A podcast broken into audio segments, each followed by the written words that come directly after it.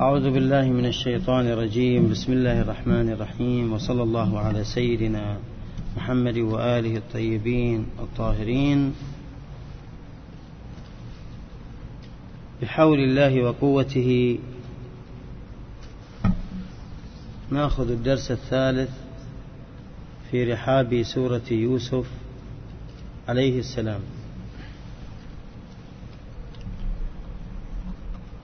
أعوذ بالله من الشيطان الرجيم. بسم الله الرحمن الرحيم.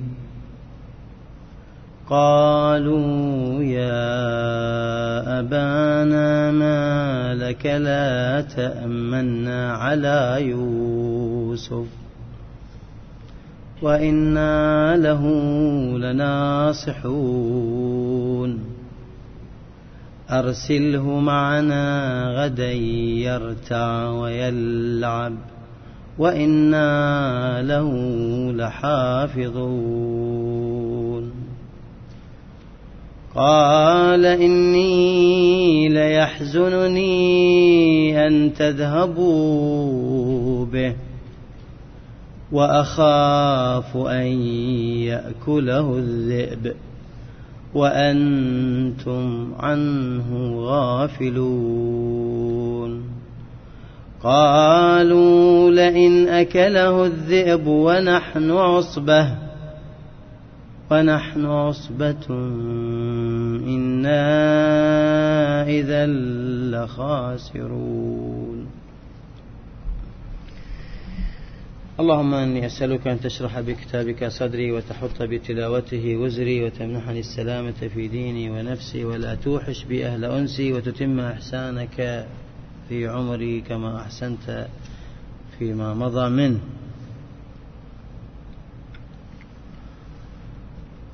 انتهينا من الإشارة إلى الفصل السابق والذي تبين فيه عامل الدفع العامل الدفعي بالنسبة للنفس لخلاصها وهو عامل الورع وكيف أن هذه العوامل إن تركت لأدت إلى الارتكاب العملي إن خرجت من مرحلة النية ومن مرحلة الفكر ومن مرحلة القرار إن لم توقف هذا المد الخطير فإن مآل الإنسان إلى الوقوع. والعياذ بالله. ولاحظ البناء. طبعا سيأتينا عامل آخر وفصل آخر في بالنسبة للنفس أيضا في فصل وراودته إن شاء الله تعالى. ولكن الآن سننتقل إلى مشهد آخر وهو الفصل العملي من الوقوع بالنسبة لأبناء يعقوب عليه السلام. ولذا بعد أن بدأوا بالتخطيط والاتفاق آه، كما قلنا بعد أن خفف أحدهم بعد أن خفف أحدهم الجرم وأخرجه من مرحلة القتل إلى جرم آخر ولكن على الأقل أخف من الأول. فدفع الأفسد بالفاسد وإن كان هنا مصلحة تعتبر جيدة نقول. لا بأس بها ولكن يبقى هناك أثر سلبي. بالنسبة له هو الأمر إيجابي جدا لكن بالنسبة للقضية نقول أمر سلبي لا شك. قالوا أقبلوا إلى أبيهم قالوا يا أبانا ما لك لا تأمنا لا تأمنا من يعني في القرآن في القراءة فيها إشمام. لا تشد هي لا تأمننا. تغمت لا تأمننا. ولكن لا تشد كما هو في, في الإدغام. فيكون الإشمام كما يقولون كما لو وضعت ورقة بين شفتيك. لا تأمن تمر هذه الورقة. هذه من لاحظة من من بلحاظ القراءة. ما لك لا تأمنا على يوسف؟ تأملوا في الأسلوب. الآن أنتم تستفيدون الكثير. لأن نفس الخطاب تتمكن من استنباط الأساليب من خلاله. يعني أتوا إليه مباشرة بأي أسلوب؟ طلب ولكن بشكل عتاب وبشكل رد مباشرة. قالوا يا أبانا ما لك لا تأمنا على يوسف؟ لماذا أنت لا تخرجه معنا؟ لماذا ثم زكوا أنفسهم وإنا له لحافظون. وسيتكرر مثل هذا الأسلوب أكثر من مرة. ها؟ أكثر من مرة. وهذا دليل على أن من يريد الإقدام على فعل المعصية أو من يقع دائما أساليب تتمحور حول تزكية نفسه وإنقاذ نفسه. تأمل؟ وبالتالي يعني يسير على آه، قاعدة كاد المريب أن يقول خذوني. فالفطن هذه الثمرة العملية الفطن مع القرائن إنسان مؤمن يزكيه الآخرون كذا لا بأس. هذا نعتبره حرص منه. لكن على حسب القرائن إن كان له سلوك ظاهر سيء فبالتالي عندما نراه يحرص ويؤكد وأنا وأنا وأنا نتوقف وندقق في الموضوع. لأن هذه ثمرة عملية من أول إقدام عملي لأبناء يعقوب إليه. ثم لاحظوا مباشرة طلبوا بلغة الأمر أرسله معنا غدا يرتع ويلعب. طبعا فعل الأمر إذا كان من الأقل. إلى من الداني إلى العالي لا يعتبر أمر. تأملنا؟ لذلك أنت تطلب من الله سبحانه وتعالى في الوقت تقول أعطني أعطني فعل أمر في الواقع. لكن ينتفي إذا كان من الداني إلى إلى العالي ويعتبر هنا طلب. أما إذا كان من العالي إلى الداني من الباري جل وعلا أقيموا الصلاة ها؟ هذا هو أحسنتم الآمر. وإذا كان بين متساويين ها؟ والله السيد الخوي على الله مقامه يرسل للسيد الإمام الخويني مثلا. هذا يعتبر التماس بينهما لأنهما متساويان تأملنا؟ إيه؟ هذه ملاحظة أيضا نقولها. وتفيدنا في الأساليب في الأساليب. يعني عندما نخاطب من هو أعلى منا نراعي لغة الخطاب أيضا.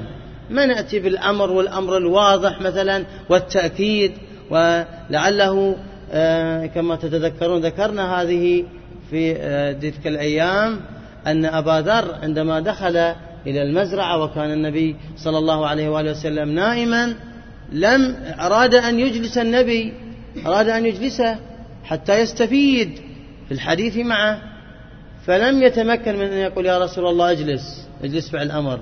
فماذا فعل؟ كسر الغصن أو السعفة مثل ما نقول والنبي جلس مبتسما وقال يا أبا ذر أتعلم أنني لا أعلم مضمون كلام النبي بما بك تنام عيني ولا ينام قلبي. صلى الله عليه وآله وسلم. أرسله معنا غدا يرتع ويلعب وإنا له لحافظون. يرتع ويلعب. طبعا يرتع من آه، ضمن معانيها أنه متعلق برعي الأغنام. يعني من يقوم ولكن اللفظ يتسع كما تعلمون في اللغة فيسري إلى غيره. يعني يتنزه بالتالي يرتع يتنزه. ها؟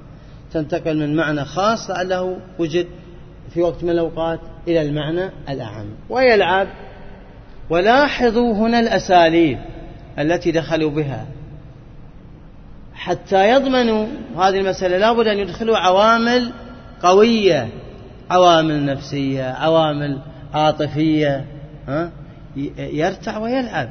لأن من هو بهذا العمر؟ صبي. قلنا تسع سنوات إلى 12 سنة في الروايات. هذا يحتاج إلى هذه المسألة. ولا أريد أن أسهب في الأمور التربوية أنتم بعد الحمد لله يعني تتوسعون فيها عندما تتحدثون وتستفيدون من هذه الآيات الشريفة. حتى لو كان في جو ديني أو علمي أو أجواء معينة لا بد أن يحصل على ما يحتاجه من هذا المرح ومن هذا التنزه. والرياضة النافعة أهم شيء أن لا يكون التنزه وأن لا تكون الرحلة فيها حرام فقط. هم الآباء يأذنوا لأبنائهم إذا والإخوان لإخوانهم آه، إذا كانوا سيذهبون إلى أماكن مضمونة ومع أناس موثوقين. فلأن هذا مسألة احتاجها الصبي في مرحلة من المراحل إذا دخلوا بها. ما يقدر يقول. لأنه لو قالوا لاحظوا أمام يوسف مسألة عاطفية دخلوا بالعاطفة والعامل النفسي. يعني مثل ما تجي لأب تقول له خلي ابنك والابن قاعد يقول له ما خليه ينكسر. تقدر تقول له كسرت خاطره يضطر إنه يوافق. شوف أسلوبهم قوي جدا. لهذا لم يستطع يعقوب أن يرد على هذا الشطر. لكن جاء من جهة أخرى سلام الله عليه. ماذا؟ قال إني ليحزنني أن تذهبوا به. أنا أصاب بالحزن وأخاف الخوف من ماذا؟ أن يأكله الذئب وأنتم عنه غافلون. فرق بين الحزن والخوف. الحزن لشيء مضى والخوف لما هو آت. ولهذا الخوف يعقب الحزن دائما. إذا حزن الإنسان خاف ثم إذا خاف حذر من الأمر وطبق السلوك العملي. ومن هنا قال ليحزن والحزن وهذا من أعلى موارد الحزن. على ماذا يحزن الإنسان؟ على فراق المحبوب على فراق من له مقام على فراق ما ينفعه. وهذا مر في سورة الكهف في القرآن العظيم بالنسبة للخضر مع النبي موسى عندما سئل الخضر عندما سئل النبي موسى عليه السلام ما أشد ما لقيت في حياتك؟ لم يقل فرعون ولا ولا ولا ولا السامري ولا ولا ولا القضايا المختلفة. وإنما قال عندما قال الخضر هذا فراق بيني وبينك. إذا من أعلى مراتب الحزن أن يحزن الإنسان على فقدي أو فراقي أو البعد على من له مقام. وخاصة أنه أيضا ابنه لا ننسى هذا درس عظيم نستفيده وأخاف ما العلة؟ قال أن يأكله الذئب وأنتم عنه غافلون. لماذا ذكر النبي يعقوب هذه المسألة؟ لماذا وضع يده على خطر هجوم الذئب؟ منها من الآراء أن صحراء كنعان التي كانوا فيها مذئبة منتشرة ذاك الوقت. إذا هو سبب راجح. أن يقول أخاف أن يأكل. هذا سبب. والسبب الآخر آه، أن يعقوب عليه السلام رأى رؤيا أن ذئابا قد هجمت على الصديق يوسف عليه السلام.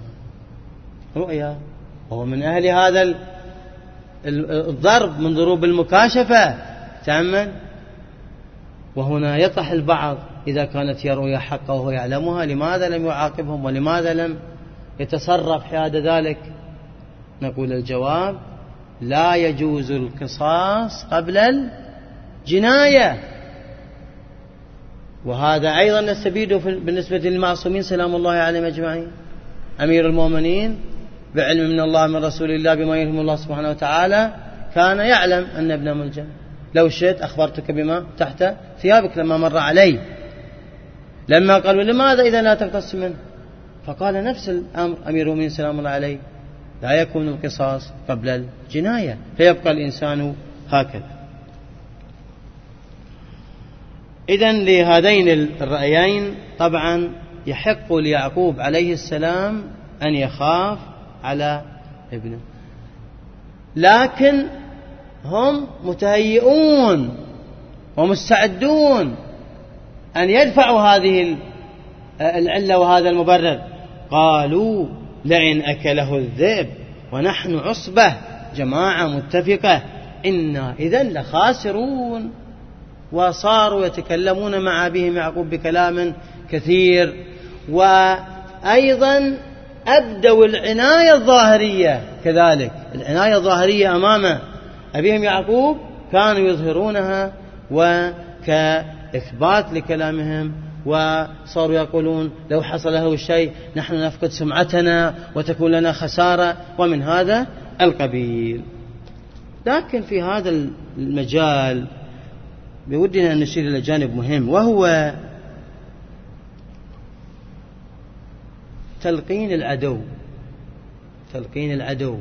أحيانا الإنسان يحدث منه بقصد وأحيانا من غير أن يشعر. يركز على شيء الإنسان في التعامل فيتنبه ذاك إليه. لهذا ورد عن رسول الله صلى الله عليه وآله وسلم في نور الثقلين لا تلقنوا الكذاب فيكذب. فإن فإن فإن بني يعقوب عليه السلام لم يعلموا بأن الذئب يأكل الإنسان. يعني ما كانوا ملتفتين. أن الذئب بهذه الشراسة وبمجرد أن يرى إنسان خاصة إذا كان جائع ويعتدي لاحظ الكلب ما يعتدي بسهولة ربما على إنسان إلا إذا تحرش به ها؟ لكن الذئب يختلف عن الكلب. وبالتالي تنبهوا إلى النقطة وبالفعل أخذوها حجة بعد ذلك. فهنا كانما يعقوب عليه السلام لقنهم وألفت نظرهم إلى الشيء. وإن كان هو مضطرا لأنه انحصرت عنده الحجج. ولكن هناك مسألة أخرى لا أريد التعمق فيها. هل أن يعقوب بعلمه الواسع ترك الفرصة لتتحرك الأقدار الإلهية بما عنده من علم واسع؟ هذه طرحوها ويناقشوها ولكن لا نريد أن نتوسع فيها لأنها من الممكن من الممكن. لكن لو ذكرت أن يعقوب الله أشار حتى تتحرك المقادير ويصل يوسف الصديق عليه السلام إلى هذا المقام ويصلونهم إلى المقام كواكب. إذا هناك مصلحة معينة.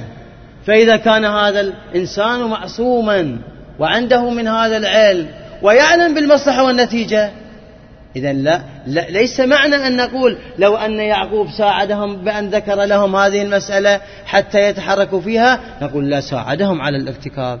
نقول لا. على هذا الرأي أنه صحيح أن يعقوب كان يحرك الأمور حتى تسير نقول الجواب أن في القضية مصلحة لهم ولكن لن تتبين الآن ولكن تتبين بعد حين بعد فترة من الزمان. إذا القضية في صالحهم.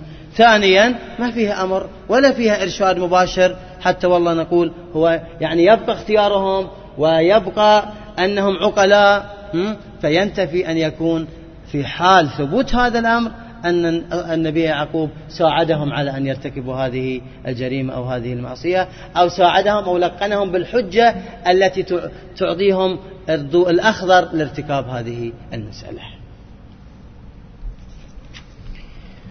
طبعا ودعه النبي يعقوب وضمه إلى صدره ودمعت عيناه. وودعهم بالنظرات التي فيها ما فيها. فلما ذهبوا به وأجمعوا أن يجعلوه في غيابة الجب وأوحينا إليه لتنبئنهم بأمرهم هذا وهم لا يشعرون. أخذوا الصديق يوسف وذهبوا مسرعين وأجمعوا إجماع إجماع تام كلهم متفقون. في رأيهم وفكرهم ونيتهم وقصدهم وفعلهم. أن يجعلوه في غيابة الجب هو الرأي اللي قلنا رجح. وغيابة الجب قلنا البئر غير المنضد بالطابوق والمبني يعني على ما هو عليه. وغيابة ما خفي من البئر يعني في قاع هذا البئر. لعله قديم هكذا. لما أرادوا أن آه، يلقوا يوسف عليه السلام بدأوا بإهالة اللكمات. هذا بالروايات. القرآن ما ذكر التفاصيل. وإحنا نحن قلنا لماذا لم يذكر اسم علي في القرآن البعض؟ حتى أن أنكم تعتبروه هو له الولاية. الجواب سهل وواضح. بل نقول لهم أن كلامكم خطير جدا. لأنكم بهذا ماذا؟ تعزلون سنة المصطفى صلى الله عليه وآله. فهو مذكور في القدير وغيره من النصوص عن النبي صلى الله عليه وآله وسلم. كذلك أيضا هنا ليس كل التفاصيل. القرآن أشار إلى أهم النقاط والروايات لاحظ النبي صلى الله عليه وسلم لاحظ المعصومين هم الذين تمموا في هذه السورة مما نحن نستفيده. كما قرأت لكم قبل قليل الرواية عن النبي صلى الله عليه وآله وسلم وهكذا عن المعصومين عليهم أفضل الصلاة والسلام. فأهالوا عليه اللكمات. استغرب الصديق. سلام الله عليه. ثم ضحك فجأة. ثم ضحك فجأة. فسألوه وهم بتلك الحال؟ يعني هذا ليس وقت ضحك الآن وهو, وهو متألم. فقال عبارات حقيقة مؤثرة ماذا قال الصديق يوسف؟ قال لما نظرت إلى عضلات أيديكم القوية سررت وقلت في نفسي ما عسى أن يخشى ويخاف من الحوادث والملمات من كان عنده مثل هذه السواعد. ولكن تعلمت درسا. هو صديق. ويعلم. هذا سمة المؤمن. هذا تعليم. هذا درس لهم لو أرادوا أن يستفيدوا. تعلمت درسا. هو ألا أعتمد وأتوكل على أحد غير الله عز وجل. يعني لو التوكل قوة الانقطاع إلى الله سبحانه وتعالى. لكن لا نعني من هذا أن الإنسان يترك الأسباب. يتعامل بالأسباب مع تعلق قلبه والفاعلية لله سبحانه وتعالى. هذا هو المطلوب. إلا في حالات عالية جدا كالنبي إبراهيم عليه وعلى نبينا المعصوم السلام. ذيك مسألة أخرى. هذا وصل لمرتبة عالية يطلب منه جبرائيل آه، أن يعينه فيقول أما إليك فلا. هذه ما نتعامل بها نحن. لا نحن علينا أن يتعلق أن نعلق قلبنا بالله سبحانه وتعالى وبالقدرة الإلهية ونعمل بالأسباب الشريفة السليمة. هذا هو المطلوب. لكن إذا الأسباب لا غير, غير سليمة لا نأخذ بها ولا نحتاج إليها ونتوكل على الله جل وعلا. رموه في البئر. وأوحينا إليه مباشرة. وهنا كلام مهم. طبعا هذا الفصل فصل يفتح الأمل. ها؟ تعنونه بما تريد. هذا الفصل فصل يبين أن وراء كل ألم أمل وبعد كل عسر يسران وبعد كل وحشة أنس. ولهذا الصديق يوسف هذا من من المقامات الآن. راح أذكر لكم عادة مقامات وسوف تلاحظون التقابل. متى يحصل على المقام؟ الآن مقام الأنس. وتتذكرون قلنا في فضيلة السورة لا يصيب الإنسان ماذا؟ فزع. يعني يحصل على الاطمئنان هذا الإنسان. آه. الآن الآن تطبيق عملي في السورة. وحشة في البئر. مظلم. مخيف. إضافة مكان غير مهيأ للجلوس. ضيق. وأوحينا إليه. أوحينا هنا ليس وحي النبوة. تأملوا. لأن لأن مشترك فوقاني عام. بالقرينة نعرف هل وحي النبوة أم أنه يقصد به الإلهام أو التحديث. يعني كلها ضروب آه، لها يعني نفس المفاد ونفس الغاية. هنا ليس. بدلالة آية 22 سيمر علينا ولما بلغ أشده آتيناه حكما وعلما. هذه اللي آه، تبين بداية الوحي الإلهي للصديق يوسف عليه السلام. أما هنا ليس بعد. ليس بعد. تمام؟ هنا قبل النبوة. وهذا دليل على أن الإنسان من غير النبوة يوفق لهذه المرحلة إذا كان قد سار في العقل النظري والعملي ووفقه الله سبحانه وتعالى. إذا أوحى الله إليه لتنبئنهم وأوحينا إليه. أولا حصل على مقام الأنس بعد أن حصلت الوحشة. هذا واحد. اثنين هناك علم تفصيلي ليس فقط غايته الأنس وإنما لتنبئنهم بأمرهم هذا وهم لا يشعرون لا يدركوا بهذه القضايا الآن ولكن ستتضح لهم فيما بعد. خلاص. الآن ننتقل إلى مشهد آخر. وجاءوا أباهم عشاء يبكون. رجعوا بعد أن أنجزوا هذه المهمة ليخلوا لهم وجه أبيهم. هنا نقطتان مهمتان. معي. الأولى أثناء مسيرهم. قالوا لبعض أتعتقدون أن أبانا لا يخبره الله سبحانه وتعالى بما فعلنا؟ ماذا نفعل؟ قالوا التوبة. وصفوا أقدامهم يناجون الله سبحانه وتعالى. بكاء هذا يبكون. بكاء طويل حتى إذا وصلوا. لكن كيف نرد عليهم أن هذه التوبة ليست توبة؟ حقيقية. لأن التوبة الحقيقية لا بد من الندم ولا بد من العمل وإرجاع الحقوق. فلو كانت التوبة صحيحة لعادوا وأخذوا أخاهم يوسف عليه السلام من البر واستغفروا الله وجاءوا إلى أبيهم. إذا ليست توبة حقيقية.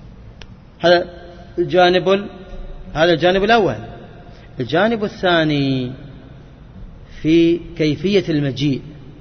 لاحظ؟ جاءوا بصورة معينة حتى لا يشك فيهم. هذا عامل أيضا عاطفي وعامل نفسي. وجاءوا أباهم عشاء يبكون. صحيح هذا أسلوب ماكر. ودموعهم ليست سوى دموع التماسيح. عندما تأكل تدمع عيونها. قالوا يا أبانا سيؤكدون أيضا. إذا بالوجدان والعاطفة والهيئة وبالكلمات. قالوا يا أبانا إنا ذهبنا نستبق وتركنا يوسف عند متاعنا فأكله الذئب. إذا جهزوا مبررا. لاحظ؟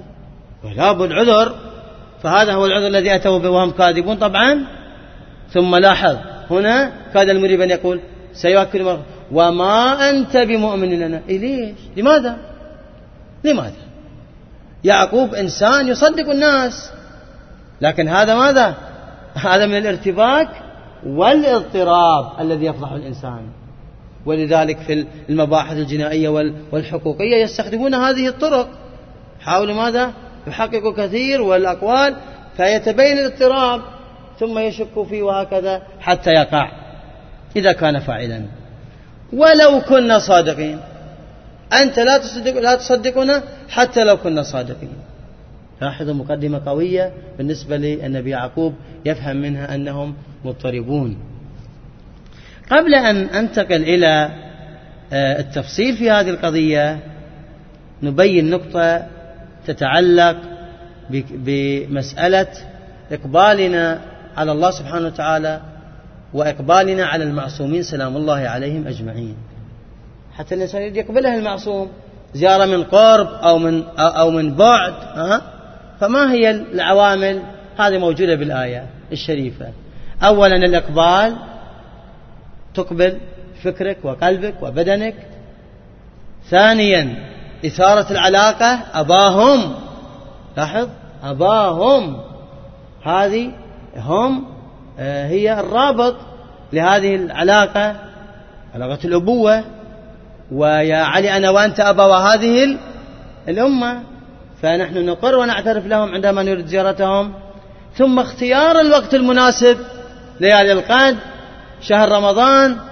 في حضرة النبي عند البقيع عند الأئمة اختيار الوقت والمكان. ثم الحالة يبكون.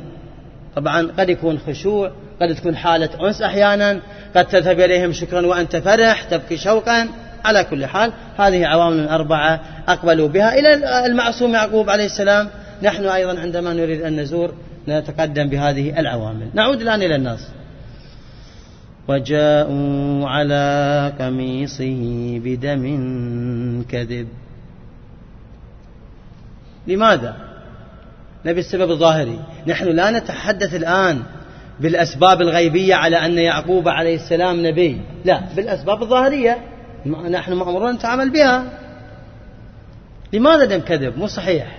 هذه شاة نحروها ولطخوا قميص يوسف. إذا ترجعوا للتفاسير تجدوا هذا الرأي مجمع عليه. ولذا اخترت لكم رأي الألوسي. نعم. قال أنهم نسوا أن يمزقوا القميص. وناقل كلام آه، لروايات عن النبي يعقوب عليه أفضل الصلاة والسلام. لاحظوا ماذا قال؟ لما نظر إليه يعقوب هذا في تفسير الألوسي قال أي ذئب مشفق هذا الذي أكل ولدي ولم ينل قميصه بسوء؟ هذا مؤدب هذا الذئب. الذي ماذا؟ يعني آه، نزع. ما ما شاء الله فاهم يعني هذا. يعني شال القميص كذا ثم بعد ذلك آه، تلطخ القميص. أصلا هو لو شال القميص كيف يتلطخ؟ صار بعيد القميص. يعني يا الذئب غبي وهو نفسه بعد ما نزع القميص لطخه يا أنتم اللي لطختوه. حتى لو كان ذئب أنتم اللي لطختموه. نعم. إذا لاحظ وهكذا. سلام الله على العقيلة زينب بنت أمير المؤمنين. الكاذب يفتضح. ولهذا قالت للطاغية بن زياد تلك البطلة العظيمة ها عندما قال خرج وكذا كلمات قالت إنما يفتضح الفاسق. أنه قال لقد الله فضحكم يقول وأكذب أحدثتكم قالت وإنما يفتضح الفاسق وهو غيرنا يا عدو الله. يعني أنت وأمثالك لكن لو قالت أنت الشهود موجودين أنها اتهمته وتكلمت عليه فيصدر حدا وبيانا شرعيا. هنا العقيدة العظيمة. سلام الله عليها وعلى أبيها وعلى جدها وعلى أمها الزهراء. إذا هم افتضحوا بهذا الدليل القوي. قال بل سولت لكم أنفسكم أمرا.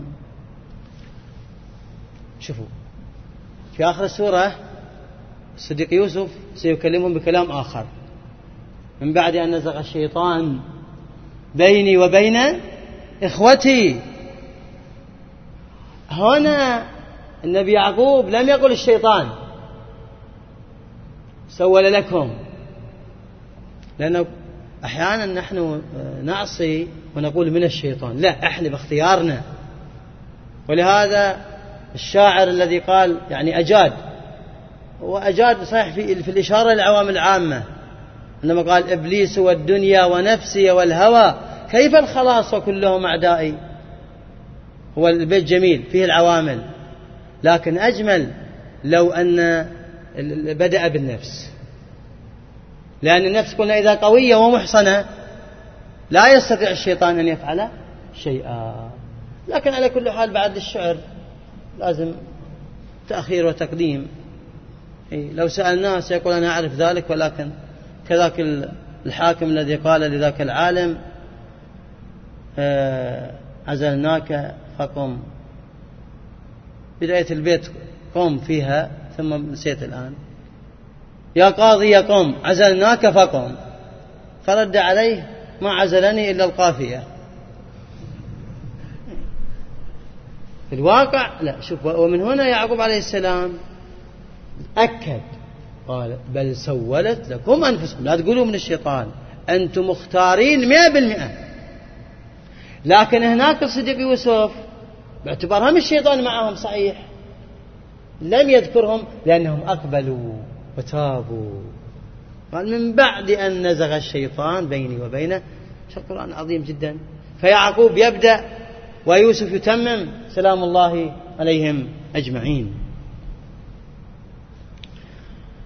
فصبر جميل والله المستعان على ما تصفون.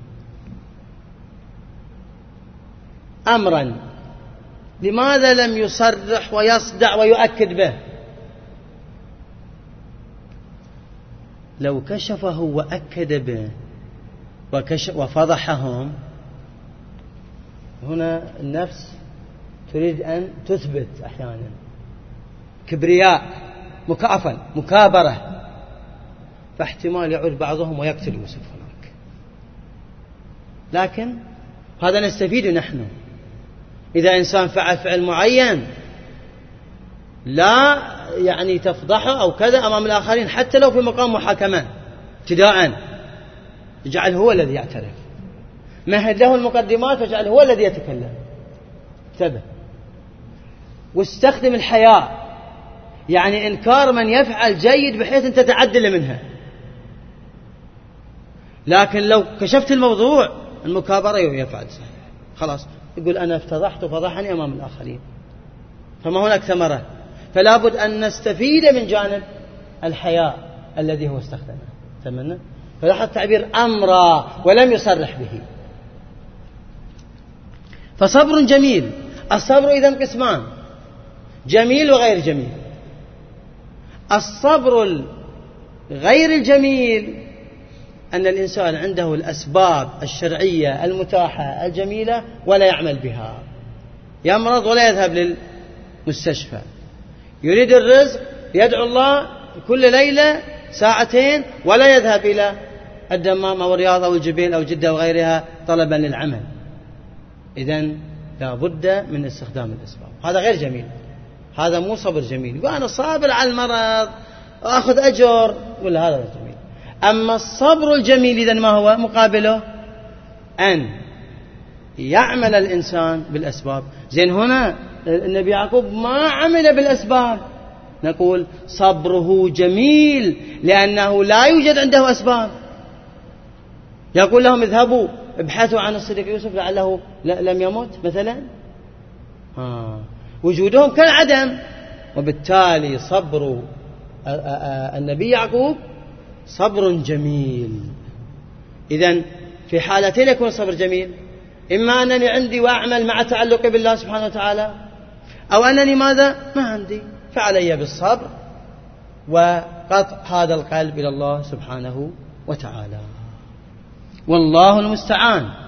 إذا في المصائب الإنسان في الابتلاءات ماذا؟ عليه بالصبر الذي هو بمنزلة الرأس من الجسد بالنسبة للإيمان وعليه أن يستعين ويواصل استعانه بالله. والله المستعان على ما تصفون على ما ذكرتم من وصف وبهذا أوقف النبي يعقوب هذه القضية على هذه المسألة. أمامنا قليل من الوقت. فلا بأس.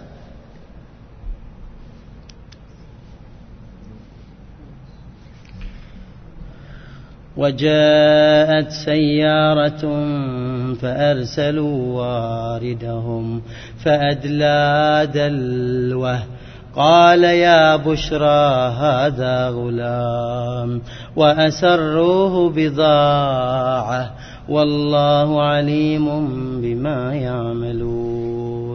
ننتقل المشهد الآن إلى البئر. تعلمون البئر يمر الناس حتى آه، يأخذون الماء. آه، والورود في الأصل إلى الماء. القرآن قال ولما ورد ماء مدين ثم استعملت الكلمة فيما هو أوسع إلى أن نقول صادر وارد وما إلى ذلك. فأرسل واردهم. جاء ليأخذ الماء. واضح العبارات. فأدلى دلوه. الصديق يوسف عليه السلام هو في البئر. علي أن نقول لكم هذه هناك روايات. ماذا فعل؟ كان يناجي الله سبحانه وتعالى. وأيضا ورد أن الصديق يوسف عليه السلام توسل في تنزيه الأنبياء. نعم موجود. أن الصديق يوسف عليه السلام توسل بالنبي محمد وآله.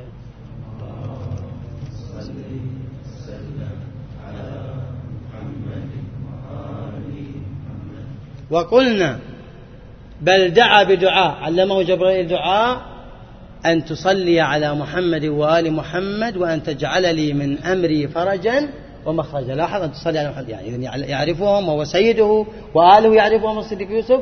عليه السلام فهو يعرفهم وتوسل بهم ومد إليه الحبل إذا لاحظوا ألطاف حصلت للصديق يوسف عليه السلام. قلنا قبل قليل ماذا؟ التحديث مقام الأنس والتحديث. يعني جبرائيل كان يحدثه ويؤنسه في وحشته وقلنا أن هذا يحصل للمعصوم وغير المعصوم ممكن. ولهذا بعد لغروا الزهراء من باب أولى سلام الله عليها.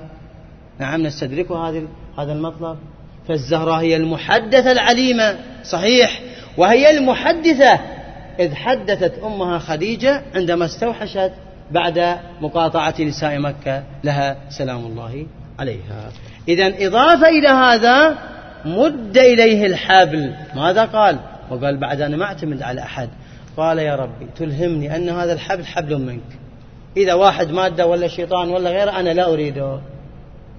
فأخبره جبريل حبل من الله فمسك به وأخرجه. مجرد أن خرج ورآه هذا وإذا كفلقة قمر صبي بذلك الجمال بسيماه العظيمة التي أثرت على قلب هذا الذي أخرجه. قال يا بشرى هذا غلام. وأسره بضاعة باعتبار أنه تعلمون هناك سوق العبيد سوق النخاسين هذا الذي يباع وهذا بهذه الكيفية سوف يجلب لنا مالا كثيرا وبالتالي قال يا بشرى وهنا وقفة مهمة البشرى ألا تقولون في زيارة الزهراء سلام الله لنبشر أنفسنا آه. أعظم البشرى ليست هي المال بل أعظم البشرى حين قربك على الم... من المعصوم سلام الله عليه. وإذا ورد في سيرة الزهراء سلام الله عليها. أعظم ولهذا في دعائنا اللهم أرنا الطلعة الرشيدة والغرة الحميدة. وفي هذا دليل على أن المعصوم يمكن هو الذي يقرب منك. هذا ما كان يحتسب ولا يعرفه صح؟ وفي هذا دليل على ما تؤكده الروايات طبعا. مو من هنا ناخذ الدليل. لا من الروايات لكن يتلائم مع هذا المعنى أن الإمام الحجة سلام الله عليه من الأدوار في غيبته أنه يسدد ويفيض ويعطي. ولكن تقريبا يجمع يعني علماؤنا على أنه من غير أن يعرف يرى بدلالة أنه يحج في كل عام سلام الله عليه وهكذا. ممكن الإنسان بالطواف وإذا كتف الإمام الحجة إلى كتفه أو نظرة من الإمام الحجة سلام الله عليه. ولهذا القرآن قال ماذا؟ وأذن في الناس بالحج ماذا؟ لم يقل يأتون إلى الكعبة وإنما يأتوك إلى المعصوم من النبي إبراهيم إلى نبينا إلى الأئمة إلى إمامنا الحجة. سلام الله عليه فهو إذا مقصودنا في الحج وغيره. وهذه الآية تعمق عندنا هذا اللطف الذي قلنا أنه يأتي بغتة في الغالب. هذا أتى بغتة إلى هذا من غير ما يحتسب وإذا به يرى صحيح أنه لم يعرفه الآن ولكن هي بشرى عظيمة. وفي الواقع أن هذا المعصوم هو الذي وصل إليه من دون عناء. ولا نعلم بالأسباب لماذا كان هؤلاء الناس. لكن لأنه لا يعرفه وشروه بثمن بخس. شرى باع. ومن الناس من يشري نفسه ابتغاء مرات الله. لا ينازل في أمير المؤمنين سلام الله عليه. عندما ماذا؟ آه، أباته النبي صلى, النبي صلى الله عليه وآله وسلم في فراشه. باع نفسه شرى باع. وأما الأخذ من البائع اشترى. اشتريت أخذت. أما شرى أعطى. البائع هو الذي أعطى. وشروه بثمن بخس دراهم معدودة وكانوا فيه من الزاهدين. أختم بهذه اللطيفة.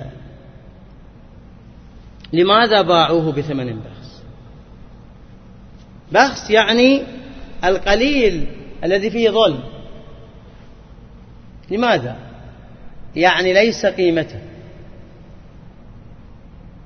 لأنه حصلوا عليه من دون عناء وتعب. ولهذا هذه نسبها النقطة ها؟ عندي آه، أخوان أبناء إن شاء الله رزقهم مستقبلا إن شاء الله تعالى. زين؟ فلا أعطي من لا يستحق بسهولة. لأنه لا يهتم به.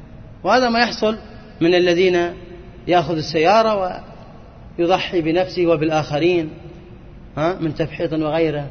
لأنه في الغالب سلمه المفتاح وهي سيارة جديدة ما شاء الله وهو لا يستحق. فهؤلاء لا يعرفون قيمة الصديق يوسف نقول. فلذلك باعوه بثمن بخس قليل في في الروايات عشرين درهم. عشرين درهم هذا كيف قمر هذا أيضا سبب. وكانوا فيه من الزاهدين. الزهد عدم التعلق. ما عندهم تعلق فيه. أهم شيء المال. تأمل آه. وهو نقطة مهمة. لماذا زهدوا في الصديق يوسف عليه السلام؟ الناس أعداء. ما جهلوا. لا يعرفوا قيمته. كالعالم. إذا لم يعرف قيمته. واقعا يهجر وقد يتحدث عليه دون هوادة. ويزهد فيه. يبقى بين أيديهم لا يذهبون إليه يسألون. وأختم بها النقطة المهمة. تهمنا جميعا. تهم الشباب في علاقاتهم. ها؟ إذا زهد الإنسان فيما فيه نفع له وقد بذل له يحرم منه. عيدها. إذا زهد إنسان صديق طيب مصدر نافع. وزهد ما يريد ما. لا أي عامل من العوامل. سيأتي وقت يبحث عنه ولا نجده لأنه يحرم منه. كما هم حرموا الآن من الصديق يوسف هؤلاء الذين باعوه. وكما حرموا إخوة يوسف أيضا كذلك. نعم وأبعد عنهم لأنهم زهدوا فيه. نسأل الله أن نكون من الراغبين إلى الله وإلى القرآن وإلى أهل البيت وإلى كل من يقدم لنا نفع إن شاء الله والحمد لله رب العالمين وصلى الله على سيدنا محمد وآل محمد.